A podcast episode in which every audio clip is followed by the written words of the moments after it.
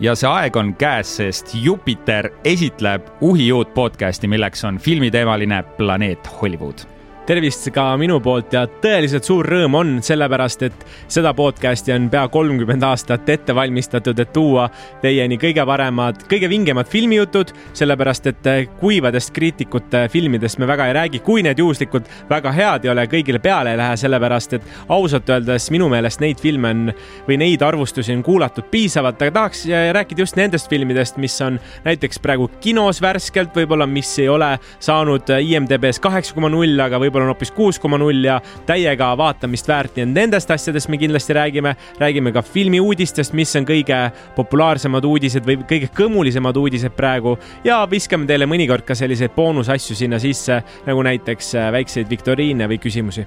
ja, ja kõige lõpus räägime ka, mida ägedat on vaadata Jupiteri platvormilt, sest meie kodu ongi jupiter.err.ee, aga meid saab ka kuulata kõige levinumatel podcast'i platvormidel, milleks on Spotify, Apple Podcasts, Amazon Music ja nii edasi, nii et saate meid igalt poolt äh, kuulata. aga ja, Andri, ma vaatasin, sul läks silm särama, kui sa hakkasid rääkima, et me räägime just nendest filmidest, mida meile meeldib vaadata, mida rahval meeldib vaadata ja ma arvan, et äh, selline õige lause võib-olla siinkohal ongi, et see on podcast filmifännidelt filmifännidele. jah, südamest südamesse selles suhtes, et äh, kui mina olen vaadanud just äh, nooremana igasuguseid arvustusi, siis mul on alati segaseks jäänud hästi keerukad sõnad, hästi pikad tekstid, räägitakse mingitest alltekstidest, asjadest, aga mina tahan filmi vaadata, ma tahan, et mu meel oleks lahutatud, et mul oleks diivanis mõnus olla, et ma teaksin, kuhu kinos istuda üldse, mida snäkki võtta, et äh, need asjad minu jaoks võiksid olemas olla, sellepärast et see loob sellist tervikut ja sa rääkisid siin kinosnäkkidest, ma just küsin sult, mis on, mis on su lemmik kinosnäkk, sa oled nacho mees või popkorni mees? ma popkorni muideks peaaegu kunagi ei osta. et lõpp. äh, ma lähen äh, sinna suht äh, niimoodi, et äh, lähen filmi vaatama, aga minu guilty kindlasti selline toit on nachod küll, jah mm,. okei okay., sa oled siis see, kellel oled see juustu, juustulõhn seal ümber on, sest nachodega käib kaasas ju see juustukaste. no ma ei tea, sellepärast et pannakse seda juustu mingit soola ka popkornidele, nii et aga sina näost küll tundud äh, see popkorni mees on mul õigus oo oh jaa, mul praegu hakkasid neelud käima selle jutu peale, mul peab alati ülisuur äh, pakk popkorni olema, see kõige suurem liitrine jook ja loomulikult kommid ka, et äh, kui ma lähen mingit siukest noh, suurt blockbusterit vaatama, mingit koomiksifilmi, siis ma tahan, et kõik mu meeled oleks stimuleeritud. Räägiks võib-olla natukene endast ka, aga mis täna saates üldse juhtuma hakkab või milline saade välja näeb? Äh, kõigepealt võtame ette, nagu sa mainisid, ka suurimad filmiuudised, me räägime siin veits Tarantinost, räägime Winny Puhhist, räägime Oscaritest, Oscaritest., räägime Ed Sheeranist, siis võtame ette suure DC filmi, milleks on Shazam, jumalate raev, mis siin alles hiljuti kinodesse tuli, esimene nädalavahetus oli ära ja värsked muljeid. Tahaks jagada, mõlemad oleme seda filmi näinud ja võib-olla anname ka pärast väikse kokkuvõtte ja siis pikema kokkuvõtte, räägime põnevatest faktidest, mida teie kindlasti ei tea ja, ja just kõige lõpuks räägime ka siis Jupiterist, aga mm, Andri, enne kui me sukeldume oma teemadesse, me sinuga oleme me tegelikult oleme nüüd juba vist mingi viis-kuus aastat tagasi tutvunud või on umbes? uskumatu on ju. kas veits kauem või? ja vist oli aasta kaks tuhat kaheksateist, siis hakkasime tegema filmikuru sellist äh, kinoüritust täitsa juhuslikult sattusime. sina siis olid kino poolt esindaja või kino kuidagi oli sind üles korjanud. ma olin, tegelikult täiesti suvaline vend tänavalt, kes kuidagi sattus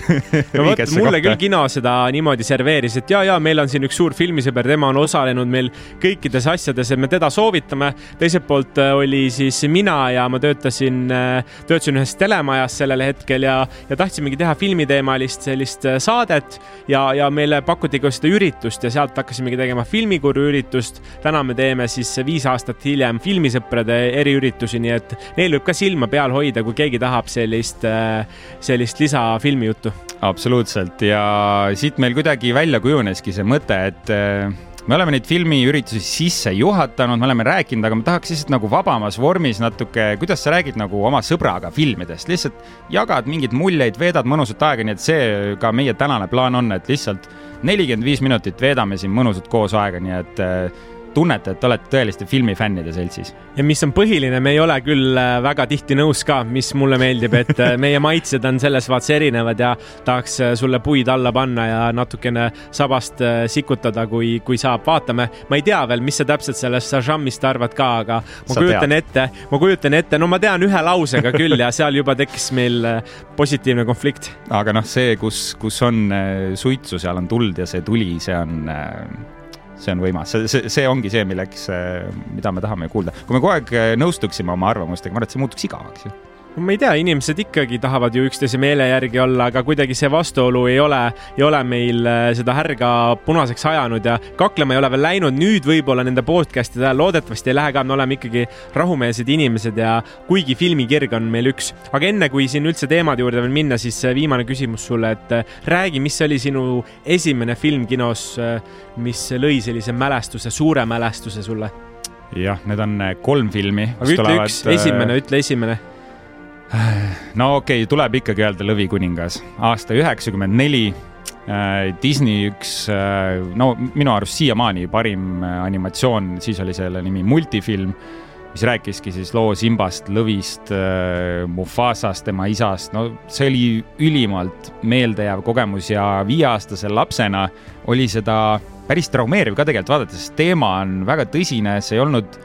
noh, okei okay,, ta on küll lastefilm, aga seal on ikka surmast ja kõigest äh, päris palju juttu ja ma ikka valasin pisarad seal. ma naersin, ma kuulan siiamaani seda soundtrack'i ja see on üks, no ma ütlen siiamaani parim film läbi, üks parimaid filme läbi aegade. ma tean, et paljudele meeldib ja täiesti maagiline kogemus, see on mul sellist kogemust viieaastasena ei olnud, aga mul oli endal selline kogemus aastast üheksakümmend üheksa. ma küll olen Tartu poiss, aga mäletan, et äh, isaga olime Tallinnas, käisime kosmosekinos vaatamas James Bondi filmi Liiga kitsas maailm. võib-olla see pealkiri ei ütlegi paljudele enam äh, midagi, sellepärast et need filmid on juba kuidagi unarusse jäänud, aga Pierce Brosnaniga see film oli ja ma mäletan, kui sealt kinosaalist ma välja tulin, siis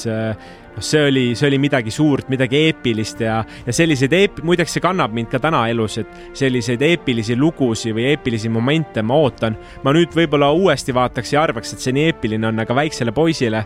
üheksa-aastasele poisile oli see ikkagi, mis üheksa-aastasele, ma ei oska arvutada ka, seitsmeaastasele poisile oli see väga-väga vinge kogemus. nüüd, kes arvutada oskab, saab siin minu ja Andri vanused välja arvutada. aga, aga jaa, ma olen nõus, no ma ütlen, minu jaoks teiseks oli ka Golden Eye, mis on noh, paar Bondi filmi varasem, aga ja Bondi filmid ja action filmid on tõepoolest mind ka alati köitnud ja noh, teevad seda ka edaspidi aga lähme asja kallale, räägime, mis siis äh, vahepeal põnevaid uudiseid on olnud ja siis juba arvustuse juurde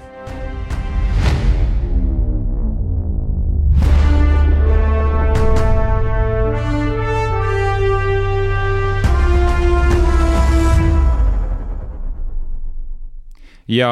esimese uudise võtad tegelikult sina, Andri, ette, kuidas meil uudiste segment üldse toimib, ongi nii, et äh, nii Andri toob äh, kaks uudist lauale ja mina toon kaks uudist lauale. me ei ole neid äh, enne teineteise uudiseid nagu kummalegi ette andnud, vaid ise valime, mida me lauale toome, nii et me saame siukse vahva valiku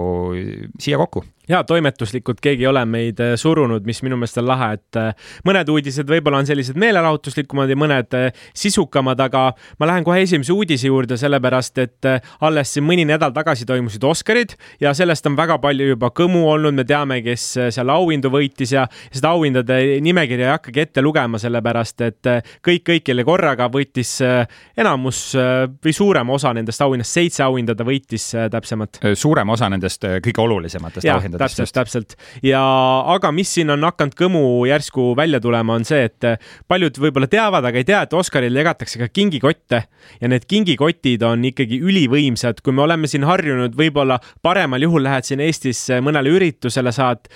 ma ei tea, mingi küünla, täpselt, küünlatassi mingi asja. Ja no ütleme, et see väärtus seal on kolmekümne euro juures, siis Oscaritel on asi teine. ma rõhutan, et Eestis võib-olla ei ole see nii, Oscarid ka nii suur teema, aga maailmas see on üks kõige suuremaid üritusi, üheksakümne viies kord see toimus äh, sellel aastal ja varsti on sajas juubel tulemas. Ja need olid müstilise hinnaga. igaüks siis sai, kes sinna kohale sai, läks, sai saja kahekümne kuue tuhande euro väärtusesse kinkekoti, kujutad ette, üks inimene, mitte see, et see oli kokku see fond, vaid iga inimene, kes sinna kohale läks, sai selle. Eh, kusjuures ma hakkasin uurima selle kohta, et kas reaalselt iga, sest seal on ju, seal on ju sadu, kui mitte isegi tuhat inimest saalis või? tuhat inimest küll, aga ma kohe räägin, siin on mingid väiksed äh, nõksud, äh, nõksud ka juures. päris, päris kõike ei saanud vist neid, aga ja noh, meeletu äh, kingikoti sisu ikkagi ja kusjuures varasematel aastatel on ka räägitud sellest, aga mulle tundub, et see aasta nad ületasid täielikult. Andri, räägi, mis seal sees oli? ja seal sees oli siis ja ma veel ütlen ka ära, et kuidas see kingikotid, et kas kingikotid anti ukse peal kätte, ei, need saadetakse inimestele koju ja see on hästi mugav viis ja kus see trikiga koht tuleb, ma ütlen selle ära, sellepärast et see võib olla oluline on ka see, et äh, kuna Ameerika Ühendriikides on seadusandlus selline, et tuleb tulumaksu maksta ise, siis iga auhinna pealt, kui nad äh, selle said ja nad tahtsid seda kasutada, siis nad pidid tulumaksu maksma ja see on äh, üllatav asi ja sellepärast võib-olla kõiki auhindu ei kasutatud, aga neid hinnaklassis auhindu on erinevaid ja võtan mõned, ega siin kõiki ei jõua ette lugeda. näiteks ühed odavamad asjad, mis seal olid, olid kuueteist dollarilised siis šokolaadipretselid näiteks mm,. no aga seda on ju,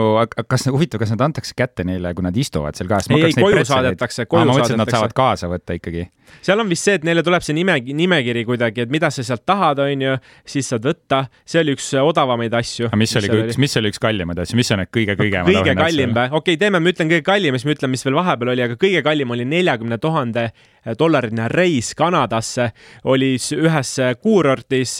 luksuskuurortis kolm päeva, saad endale vana Shelby auto, tuhat üheksasaja kuuekümnendatest aastatest pärit. selle autoga saad seal sõita, saad tunda nagu oleksid James Bondi filmis. ja kusjuures sellesama autoga sõitis Nicolas Cage filmis Kadunud kuuekümne sekundiga ja nii, et seal on päris palju asju, seal on, seal on ka igasuguseid mingeid vitamiine, asju, aga kaks asja, mis jäid silma, olid üliveidrad. esiteks kümne tuhande dollari eest Botoxit no come on, sa oled Hollywoodi näitleja, sa ilmselt äh, oled mingis, mingit pidi survestatud seda kuidagi kasutama noh, jah, ma muidugi ei kujuta ette, et Steven Spielberg saab selle koti ja läheb, eks ole, botox'it no ei tea, võib-olla no. nüüd tulevad, on äh, kõrvad on suuremaks tehtud, nina veel suuremaks tehtud, et ma ei tea, kuhu seda süstitakse kõik, aga ühesõnaga, see oli see leid ja, ja viimane asi, mille ma tooks välja, mis oli minu jaoks üllatav, sest seal on igast plätus ja veine asju, särgid-värgid, aga kaheteist tuhande dollari eest rasvaimu.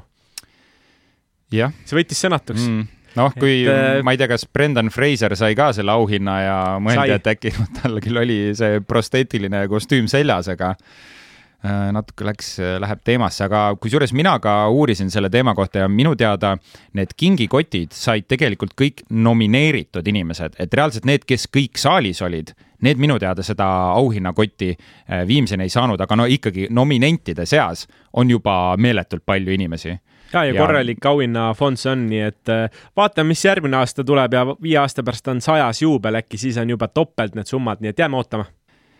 Aga lähme järgmise uudise juurde nüüd ja selleks on äh, üks Hollywoodi noh, kuulsamaid ja tuntumaid äh, režissööre Quentin Tarantino.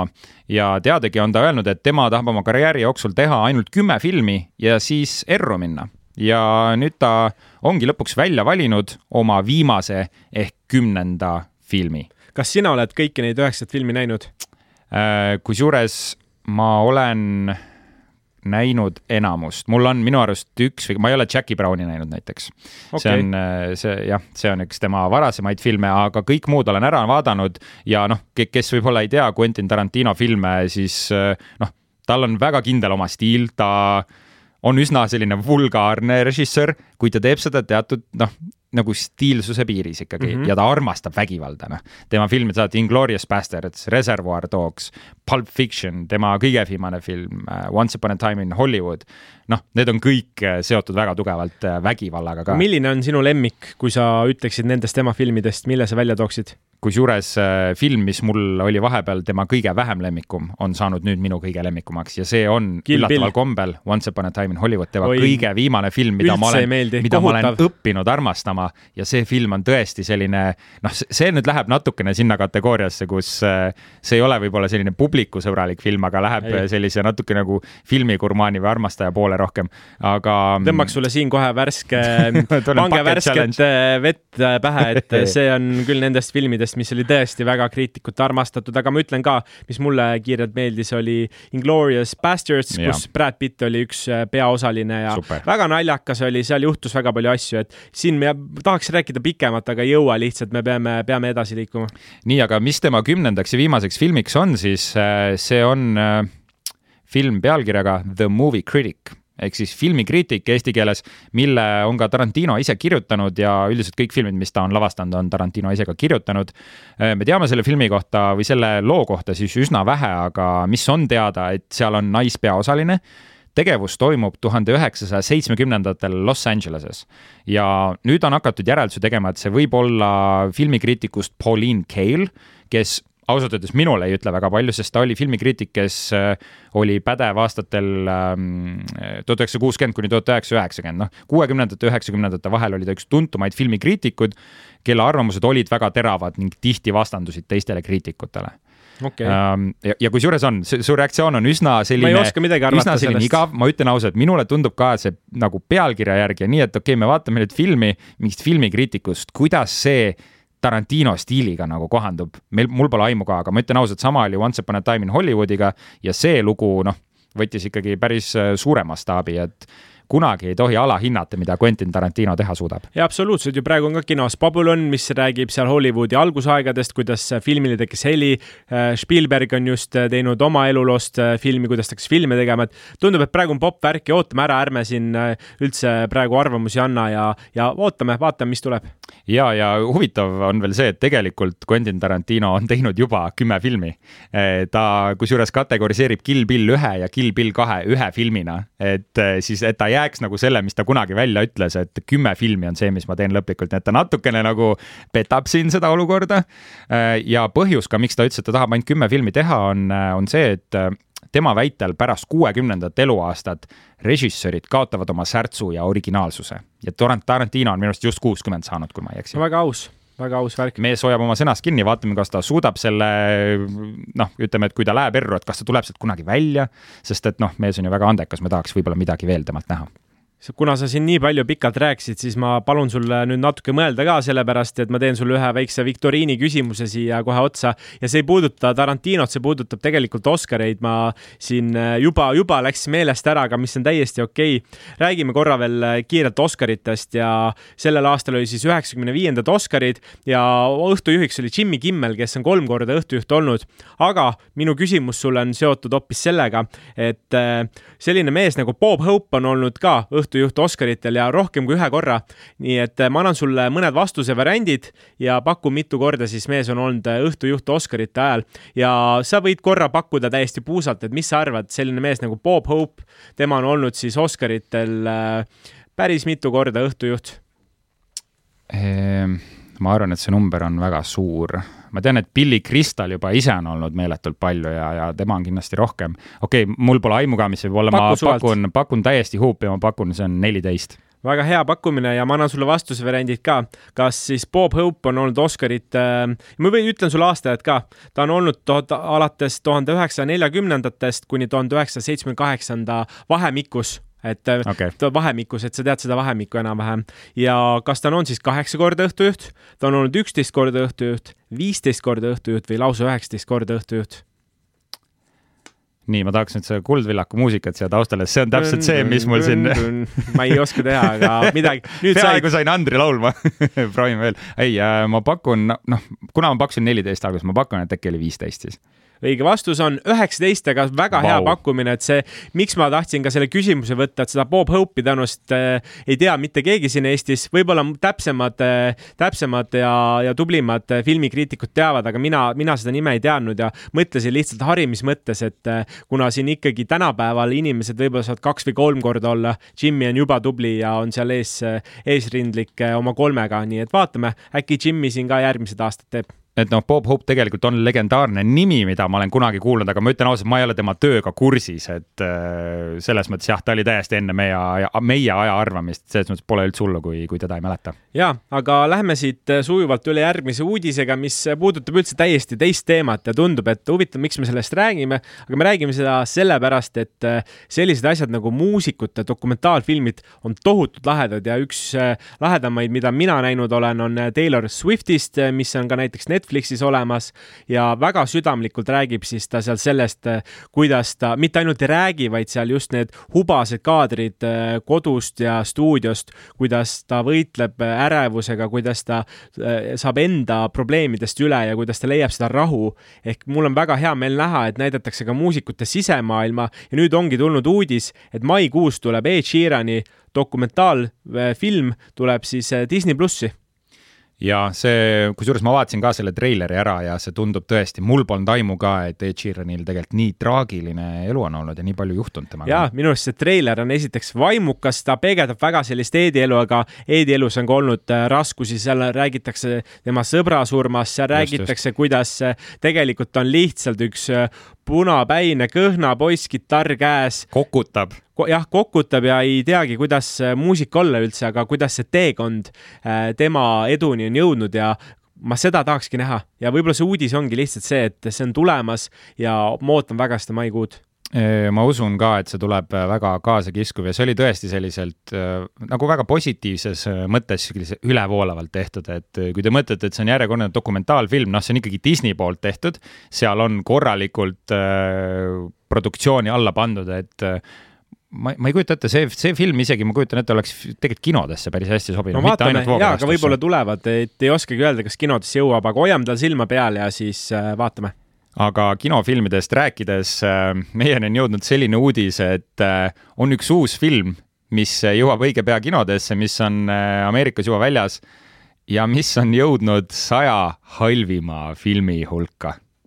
ja selleks on Nii. ei miski muu kui Winny Puhh veri ja mesi ei ole see Eesti filmiga tegu, kui keegi arvas, et äkki siin Eestis toimus midagi, aga Ameerika Ühendriikides toodetud film ja ma olen ka seda treilerit näinud ja see on tülgastav ausalt öeldes. minu meelest see idee on päris lahe, et seal on äh, võetud justkui Winny-Puhh, aga on pandud sellisesse õuduka võtmesse, aga ma ei tea, mis sa oskad selle filmi kohta öelda meile?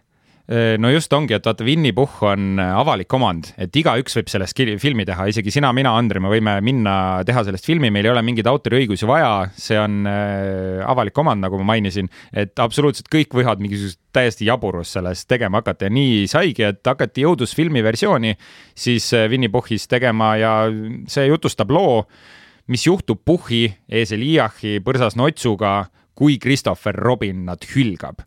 ja vastus, nad muutuvad verejanulisteks mõrtsukateks. filmi režissöör, minu jaoks tundmatu nimi Reese Frake Waterfield ütles, et ta soovib veel teha õudusuusversiooni lasteklassikutele, nagu näiteks ka Bambi ja Peeter Pan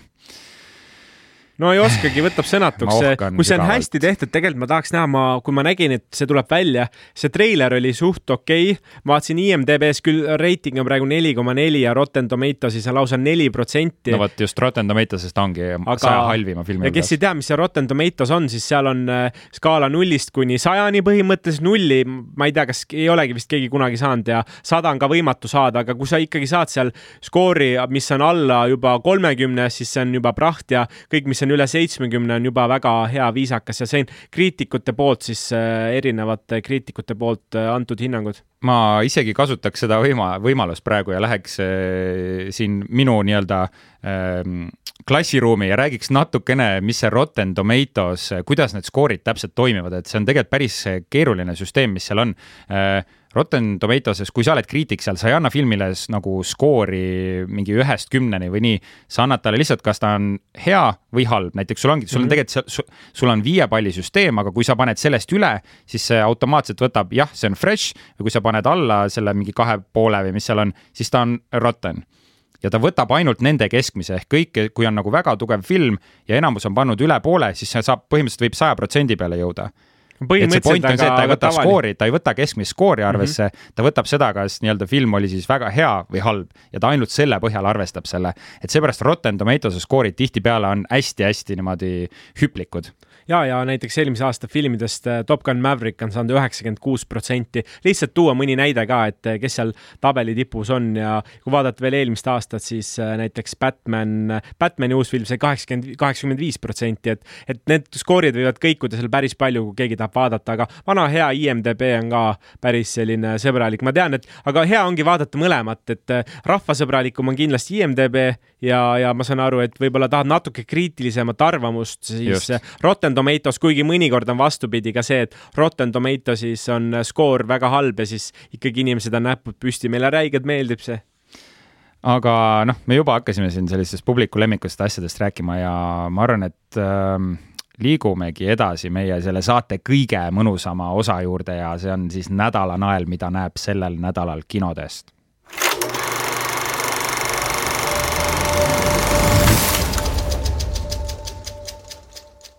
Ja selle nädala arvustus meil on siis äh, DC koomiksifilm Shazam, jumalate raev ma teen äh, väikse võib-olla lühitutvustuse, millest see film räägib ja siis saame hakata äh, oma arvamust avaldama või tahad sa midagi enne öelda?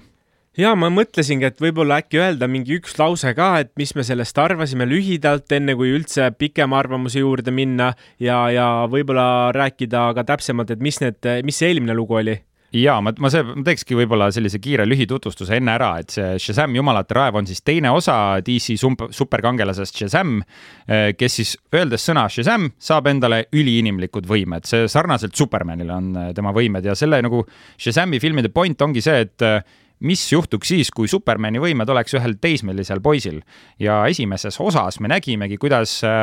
viieteistaastane poiss Billy Batson, kelle vanemad on tema hüljanud, äh, saab iidselt võlurit oma võimed ning tänu sellele siis peab kaitsma maad kurjade jõudude eest. ja nüüd jõuamegi siis äh, teise osani, kus Shazam, jumalate raev noh, avab rohkem eh, selle tegelase tagamaid ja nüüdseks ei ole ainult Billy Batson üksinda nende siis supervõimetega, vaid ka tema pere, tema kasupere, kelle juures ta on, siis need kõik vennad ja õed on ka saanud need supervõimed, nii et nüüd on meil teises osas see kangelaste hulk siis ähm, noh, mitmekordistunud, et nüüd on see siis selline superkangelaste tiim. ja, ja põhiteema ongi, siis hakatakse põhimõtteliselt äh, jumalatega võitlema ja, ja ma arvan, et igaüks saab seda kinno minna ise vaatama, et kuidas see süžee lahti, lahti rullub seal, aga mis minu jaoks oli väga huvitav, oli see, et äh, kes ka need tegijad on ja, ja ma mõtlesin küll, et huvitav, miks sellist pereteemat sinna nii tugevalt sisse toodud on, siis ma vaatasin kohe, et üks kirjutajatest on ka Chris äh, Morgan, kes siis kirjutas selle algteksti ja tema on Kiireid ja vihaseid eh, korralikult teinud, tema on nimelt kuus siis kiirete ja vihaste filmi teinud ja isegi treileris, see ei ole spoiler, sellepärast et treileris on seda näha, et eh, seal on üks selline lõbus koht, kus, eh, kus räägitaksegi perest täpselt samamoodi nagu Kiired ja vihased on, kus Vin Diesel ütleb, et kõige olulisem on mulle pere nii et sellist pere, peremotiivi seal on ja minu meelest see on äh, väga naljakas, aga, aga mõni asi veel, mida mina üldse selle filmi kohta enne ei äh, teadnud, näiteks oligi see, et, äh, et Shazamil oli al algupäraselt üldse teine nimi ja selleks oli Captain Marvel, aga kuna arusaadavalt seal olid konfliktid, siis mitte siis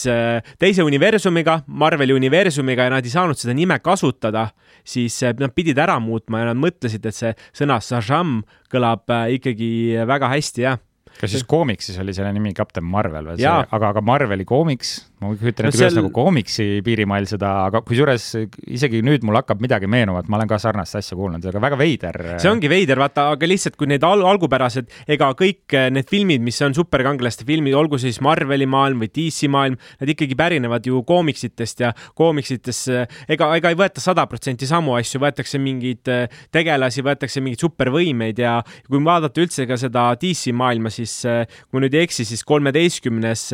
film see siis DC maailmas on ja, ja eespool on sellised filmid nagu hiljutine oli Black Adam, mida paljud on näinud, siis äh, Suicide Squad on äh, siin äh, viimased filmid veel Zack Snyder, Justice League ja neid filme on tegelikult veel, nii et kui keegi mõtleb, et mis maailmas see on, ta on seal maailmas, kus on Superman, see on selles maailmas, kus on Batman, selles maailmas, kus on Wonder Woman ja, ja need tegelased, et kõik Ironmanid, Spider-manid, need on siis Marvelis täpselt nii ja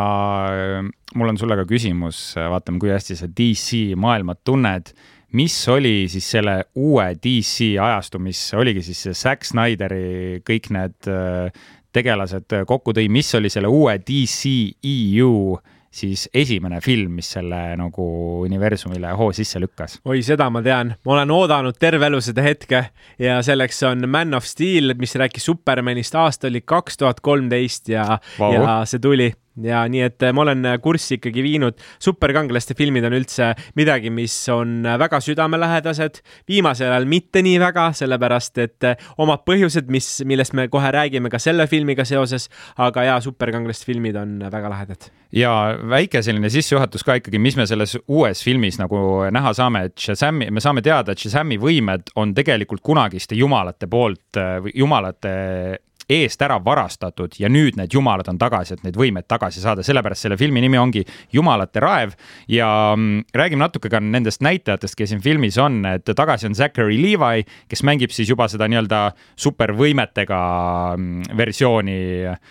noh, siis seda nagu mehist versiooni, mehist versiooni, selles mõttes, kui sa ütled Shazam mm, -hmm. siis ta muutub selliseks suureks meheks, eks ole, ja see on mm -hmm. Zachary Levi. Eh, noort eh, kutti mängib Asher Angel, kes on samuti tagasi ja tagasi on ka kõik need teised näitlejad, kes siis neid lapsi seal esimeses osas mängisid, aga mis kõige põnevam on just see, kes on need pahalased, kes need Oi, uued tegelased, kes on siia filmi toodud. üks minu lemmiknäitlejaid on Helen Mirren, kes seal ka just. üles astub ja tema siis mängib ühte pahalast ja no badass naine välja näeb. just on andnud ka palju intervjuusid äh, sellest, et, äh, et kuidas tema siis äh, võib-olla vanema daamina mängib superkangelaste filmis. ta on öelnud, et ei ole absoluutselt mingi probleem, et see, et ma võib-olla tundun passi järgi vana, ole, see ei loe, sellepärast et mul on energiat palju, ma tahangi selliseid asju teha et seda oli tõesti mõnus seal näha ja temaga koos astuvad veel üles Lucy Liu ja Rachel Zegler, keda me teame, noh, Lucy Liu on äh, Charlie Inglitest äh, tuttav ja Rachel Zegler mängis just Spielbergi West Side Story's, äh, nii et tema on nagu see uus tõusev staar, kes siin filmis on. ja lavastajatoolis on tagasi ka David F Sandberg, kes muidu on olnud õudusfilmide lavastaja, näiteks nagu Lights Out ja Annabelle Creation. nii et jah, sama tiim on tagasi ja. tema on teinud ka siis esimese osa, olgu öeldud, et, et mõnikord on see et vahetatakse neid režissööre, minu arust on väga hea stabiilsuse märk, kui see, et tuleb sama tegija uuesti tagasi ja, ja loob selle teise filmi, nii et tal vähemalt oli visioon paigas ja ma selle võin küll juba etteruttavalt ära öelda, et see üleminek oli hästi sujuv, et see lugu jätkus, et mõnikord on see, et lugu paneb täiesti kuhugi kolmandas suunas, siis seekord lugu jätkus sujuvalt. vaadake esimene osa ka ära, kui kinno lähete ja just see toon, ma arvan, et see toon on oluline, et sa tabad sedasama meeleolu, mis seal on ja seda just kindlasti David äh, F Sandberg tegi, aga ma arvan, et see on nüüd koht, kus ka meie ühine keel äh, lõpeb siin praegu ja meie arvamused lähevad lahku, et äh, ma küsiks kõigepealt sinu käest, Andri, et arvusta nüüd filmi, ütle, kas sulle meeldis või ei meeldinud, mis meeldis, mis ei meeldinud? ja ma ütlen, laias plaanis oli tore aga see on ka kõik sellepärast, et eh, mis mulle selle filmi puhul häirima jäi. Ja viimase, see on viimase aja trend, on see, et eh, see turg, kuhu seda filmi suunatakse, on võib-olla lapsed ja palju nooremad, sellepärast et eh, kui ma mõtlen viimase aja võib-olla paar aastat tagasi, milliseid superkangelaste filme tehti, need olid natuke sisukamad, sügavamad, natukene tumedamad. viimane Batman oli ka muideks väga hea, kus oli sellist tumedust sees, aga mida mina filmist otsin, on sellist lugu, mis oleks tugev loogiline ja, ja ta kannaks, aga võib-olla selle filmi puhul oligi see, et äh, ta oli liiga lõbus ja liiga naljakas, et ma tean, et Shazam ongi ise hästi lõbus tegelane, aga ta viskas sellist äh, lapsikust, äh, kõik oli nii lihtne ja paljud asjad kuidagi toimisid maagiliselt, ei olnud ta loogiline, ta oli klassikaline selline seik, originaalsust seik, ei olnud, eks ole. seiklusfilm, et seal ei olnud midagi uut, seal mõnes mõttes minu jaoks oli see, et olid head tegelased, olid pahad tegelased, juhtus klassikalised asjad, et nad äh, võitlesid, onju, ja siis ma lõpptulemust ei ütle, aga, aga juhtub äh, tihti sarnaseid asju ja ma tean täpselt, millest sa räägid ja kusjuures ma jah, mulle, ma nagu, ma olen nõus sinuga selles osas, et see film oli lapselik aga minu jaoks ta ei olnud lapsik ja selle, sellel on nagu väike vahe, et ma tundsin ikkagi jah, see on võib-olla natuke noorematele suunatud, aga noh, see lugu ise oli lihtne, aga see oli väga kaasahaarvalt tehtud. Äh, ma ütleks, algus nagu paelus mind kohe, ma olin äh, noh, täiesti naelutatud ekraanile alguses ja see filmi teine kolmandik, see keskmine osa kaotas mind täielikult see oli koht, kus äh, keskenduti rohkem nendele pahalastele, kes me just rääkisime, Helen Mirren, suurepärane näitleja aga lihtsalt kohutavalt kuidagi flat'iks muutuks, muutus. See, ma ei teagi, nagu selliseks, mis see eestikeelne vaste on? Ei leia head sõna. ta muutus lihtsalt... igavaks, ta muutus selliseks, lihtsalt jäädi nagu kinni kuidagi, aga siis lõpuks, kui tuli nagu see lõpu, lõpu siis võitlus nende karakterite vahel, see kolm, kolmas kolmandik selles filmis, siis ta jälle leidis ennast tagasi ja, ja minu jaoks väga paljuski selle filmi nagu nendest pahalastest päästiski tegelikult see noh, ma, ma, ma ei tea, ma ei saa öelda, et see tegelane oli pahalane, aga ma ütleks, et uus tegelane, kes siin oli, Rachel Zegleri mängitud tegelane, kes oli kõige huvitavam nendest uutest tegelastest, teised olid natuke siuksed ühetahulised. Lucy Liu oli minu jaoks kõige suurem pettumus, ta oli nagu täiesti mingis teises filmis, ta üritas kuidagi üle mängida, tegelikult su supernäitlejanna, ma ei tea, mis juhtus, ma arvan, et äkki, ma arvan, et see oli skripti teema, sest et äh, selle filmi puhul ma kuulsin ka seda, et need pahalased olid üldse selle filmi jaoks välja mõeldud, need ei olnudki koomiksi tegelased üldse. seda, seda ma tundsin ka sama, et täpselt see Lucy Liu paha tegelane oligi täpselt selline, kes tuli, tahtis hävitada ja ta ei, ta ei olnud nagu üldse, ta ei olnud sujuv nii-öelda ja, ja mis võib-olla minu jaoks oleks päästnud, kui keegi nüüd küsib, ma ei ütle täpselt ei vasta, aga kas seal oli ka siis äh, teisi ähm, tegelasi sellest samast DC universumist, siis oli, aga neid oli hästi vähe, neid oli ainult äh, siin äh, hetkeks ja võib-olla ja ma ei ütlegi rohkem ette, aga ma lihtsalt ütlen, et mis minu jaoks võib-olla päästnud oleks, olekski mm. see, et kui oleks teisi tegelasi rohkem seotud, sest treilerist oli ka näha, kuidas Sajam istub seal äh, psühholoogi tooli peal ja ta käest äh, küsitakse küsimusi, et umbes, mis su elul viga on, siis ta räägib, et Batman teeb seda, Superman teeb seda, et ma olen siin niisama ja ma olekski tahtnud näha ja ma tean, et alguses planeeriti ka Black Adami, äh, The Rocki siis tuua sinna filmi sisse, aga kuna Black Adami film siin paljudele ikkagi ei meeldinud, siis otsust... mina kaasa arvatud. okei okay,, see mulle meeldis, aga aga see, et siis otsustatigi teda mitte sinna panna ja võib-olla mingid kohad, kus oleks toonud neid kõige paremaid kangelasi sinna sisse, sellepärast et ka see Shami tegelane ise ei ole võib-olla nii tuntud inimestele ja koomiksid, eriti eestlastele. see Sham ei ole lihtsalt tuntud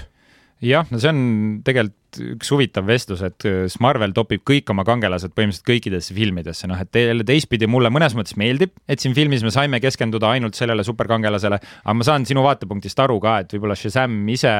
või noh, me oleme natuke võib-olla ära hellitatud sellesse, me oleme harjunud, et me saame neid teisi karaktereid siin ka, aga mis minu jaoks hoidis selle filmi üleval ja mis oli kõige olulisem, et võtame isegi selle väga mitteoriginaalse pahalaste loo siit välja aga mul oli alati põnev vaadata, kui oli see peredünaamika sees. kui need lapsed omavahel suhtlesid, kui need äh, nagu superkangelaste versioonid omavahel suhtlesid ja kuidas nad oma kasuperega suhtlesid. Need olid need kohad, kus tõesti, ma ütlen seal Äh, filmi lõpuosas, kus see suur võitlus käib, eks ole, emotsioone on palju, see oli isegi koht, kus nagu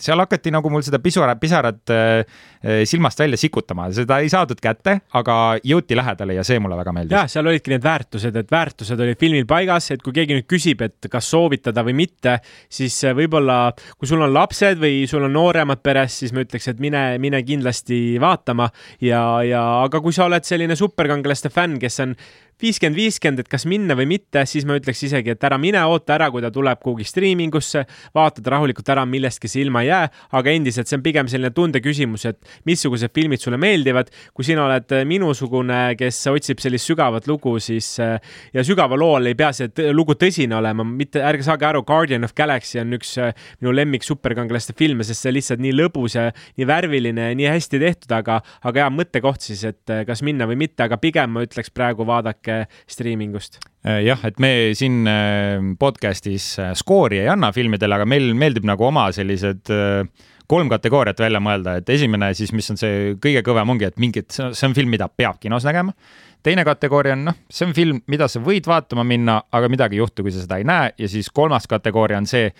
noh, et sa pigem ei soovita, väldi seda filmi kinos, nii et äh, kui aga... et sa tõesti ütleksid, et see on kolmas, et pigem väldi ei, seda ei, filmi kinos, siis läheks sinna keskmisele. ma ei väldiks seda, aga ma ütleks, et see on see keskmine, et pigem mõtle, kas sul on seda raha vaja kulutada, et võib-olla tasub kodus oodata, sa midagi ei juhtu, kui sa sellest ilma jääd mm, -hmm. su elus ei muutu midagi halvemaks, aga näiteks kui keegi küsiks mingi Ironmani kohta või Avengers Endgame'i kohta, siis jääks elus palju silma no see on ikkagi jah, sa võrdled, eks ole, koomiksifilmi tippude, tippudega seda, aga, aga nii palju ütleks ka veel, et äh, see DC film on kõige Marvelilikum äh, DC film, sest üldiselt äh, DC filmid on sellised tumedad, rasked, väga täiskasvanulikud, siis siin üritati nagu natuke kopeerida seda Marveli stiili, aga see noh, ongi, et ei tulnud päris nii välja. mina et, ei näinud seda kopeerimist seal üldse. no, no just sellega, et ta on natuke sihuke noh, lihtsam, kergem, naljakam, aga jah, see lugu võib-olla siis ja ma ütleks üks asi veel, enne kui me sellelt maha liigume, mis mind äh, häiris, oli äh, CGI kasutus ehk arvutiga loodud visuaal päris mitmes kohas oli lihtsalt tunne, et võeti karakterid pläraki, visati kuskilt kropiti vastu mingit pilti ja siis oli see olemas, et James Cameron enne seda uut avatari ütles minu arust väga hästi, et äh, need animaatorid teevad alati fantastilist tööd, et see asi ei ole halvas äh, CGI-s, asi on ajanappuses. ja see on mm -hmm. see, kui mhm. juhtub, kui stuudiod lihtsalt kiirustavad filme välja ja ma kardan, et siin võis ka sama olla. absoluutselt, aga mis sina siis hindeks annad, kas äh, soovitad, ei soovita? no mina ütlen, ta on ikkagi seal teises kategoorias, mulle meeldis ta rohkem, mina ütleks, et ta oli pisut kehvem kui, kui esimene film selles oli ka midagi sellist vanamoelist, mis mulle meeldis, eriti selle filmi lõpuosas ja seda oli tunda just muusikas. mulle väga meeldivad filmi soundtrack'id, selle soundtrack'i kirjutas Christopher Beck, kes juures tegi ka Ant-Mani äh, tunnusmuusika ja see muusika oli võimas ja eepiline ja see kuidagi, see lõpuosa natuke päästis selle filmi minu jaoks, et mina ütlen ikkagi, mina tulin nagu rõõmsalt sealt filmist välja ja ma mäletan, ma kohe kirjutasin sulle, Andri, sellel teemal ja sina ütlesid, et sulle pigem ei meeldinud ja siis tekkiski veel kohe see. ja ärge saage valesti aru, mulle filmid väga meeldivad, et ma ei ole siin see Crumpy vanamees, kel, kellele ei meeldi mitte miski, aga lihtsalt äh, minu ootused on, äh, minu ootused filmidele on äh, teised ja kindlasti tuleb neid filme, mida ma hea meelega ka soovitan teile ja, sest no üldiselt on meil vastupidi, et äh, pigem sulle, Andri, meeldivad sellised lõbusad, lihtsad filmid ja võib-olla mina olen tavaliselt see natuke torisevam, et meil tegelikult see, noh, meil on esimene episood praegu, me põhimõtteliselt keerasime oma nagu stereotüübid pea peale no aga vaatame, mis need järgmised filmid on ja, ja me tegelikult teame ka, mis järgmise nädala film on. ja järgmine nädal jõuab kinodesse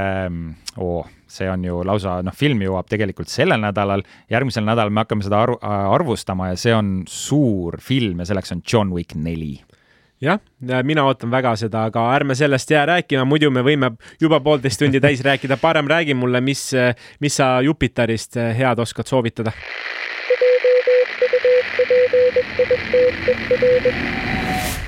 Ja Jupiterist äh, ma olen äh, kaks äh, huvitavat asja välja vaadanud, mida tahaks kindlasti soovitada, mida soovitan ka sinul, Andri, vaadata. esimesena Jupiteri iOS ehk Jupiteri noortelehel leiab palju noortele suunatud sisu, sinna on siis kokku koondatud kõik selline äge sisu, mis sobib, sobib just, just eestkätt noortele vanusest kuskil neliteist ja noh, täitsa kuskil kolmekümne viieni välja. Ähm, ja sari nimega Õppetund see on siis Iisraeli karmikoeline koolidraama, mis räägib loo, nagu mainisingi, siis Iisraeli keskkoolist, kus õpetaja ja õpilaste vahel puhkeb klassiruumis tuline vestlus rasside ja religiooni teemal.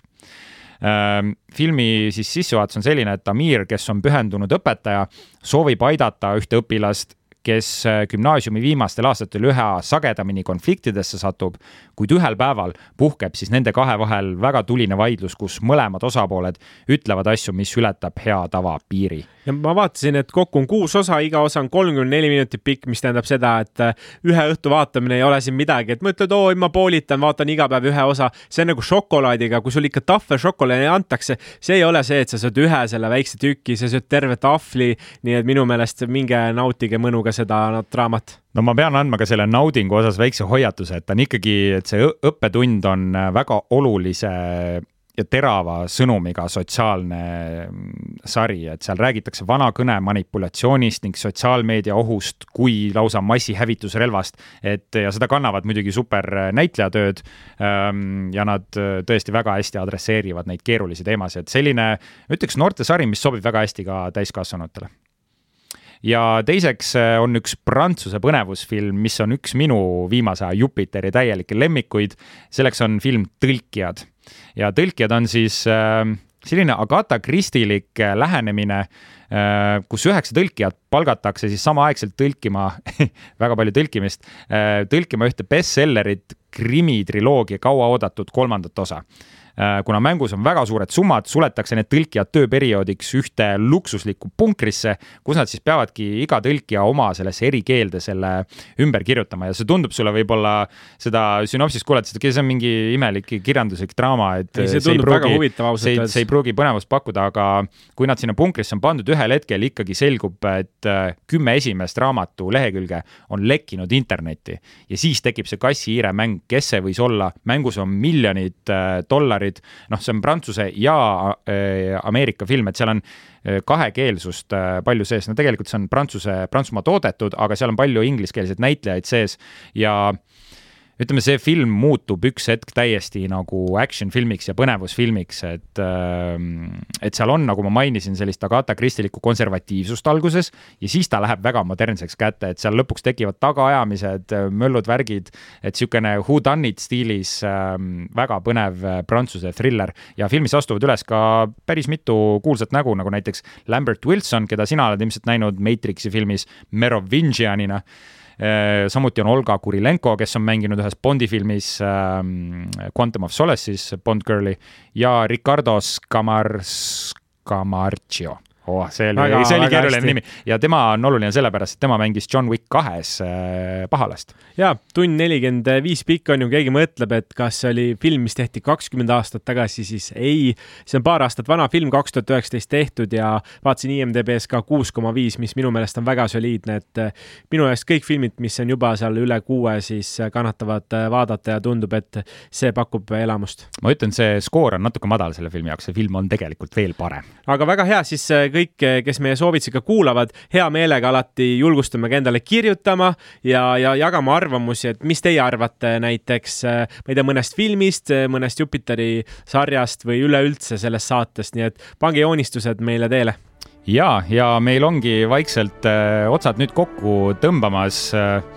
Andri, kuidas sul tunne on, kuidas meil esimene rännak siis planeedile Hollywood läks? oi, sa rääkisid nii palju, et ma ei tea isegi, mul, ma mõtlesin, et, ma mõtlesin, et mul läheb see otsa, otsaesine higiseks, aga ma vaatan, et sul see kuppel täitsa läigib ja et päris, päris karm andmine oli, aga, aga ei, lõbus on ja see ongi oluline, et, et me räägime asjadest, mis meile meeldivad Just. ja me ei pea olema sellega nõus, sellepärast ma ütlen, täna mul endal jäi ka tunne, et tulin siia kas vale jalaga voodist välja, aga lihtsalt tahaks ausalt rääkida asjadest ja filmidest eelkõige sellepärast, et nagu ma alguses mainisin, kolmkümmend aastat on seda ette valmistatud, tahaks kogu selle kogemuse välja tuua. mina näiteks käin iga nädal kinos ja, ja ma hindan väga sellist head lugu ja mul on veel, me räägime mõnest saatest tõenäoliselt pikemalt, mis on veel need asjad, mis äh, minu sellist filmi maitset on kujundanud ja mis mulle filmide juures meeldib ja, ja sina saad ka seda kaasa rääkida, aga kuidas sul jäi tunne? Äh, mul jäi väga hea tunne, mulle, ma, ma tunnen, mul on kohe tuju parem, ma olen sinuga siin veits aega veetnud, et äh, ma Soovitan. ootan, oot, ootan väga juba ka järgmist nädalat, nii et teie ka, kes te kuulate meid ähm,. igal kolmapäeval hakkab siis äh, podcast jõudma eeskätt just Jupiteri platvormile ja loomulikult ka teistele podcast'i platvormidele, kust äh, igalt poolt meid kuulata saab, nii et äh, olge meiega, näeme teid kolmapäeval ja olge mõnusad. planeet Hollywoodist praegu lahkume, et tulla teiega tagasi juba järgmine nädal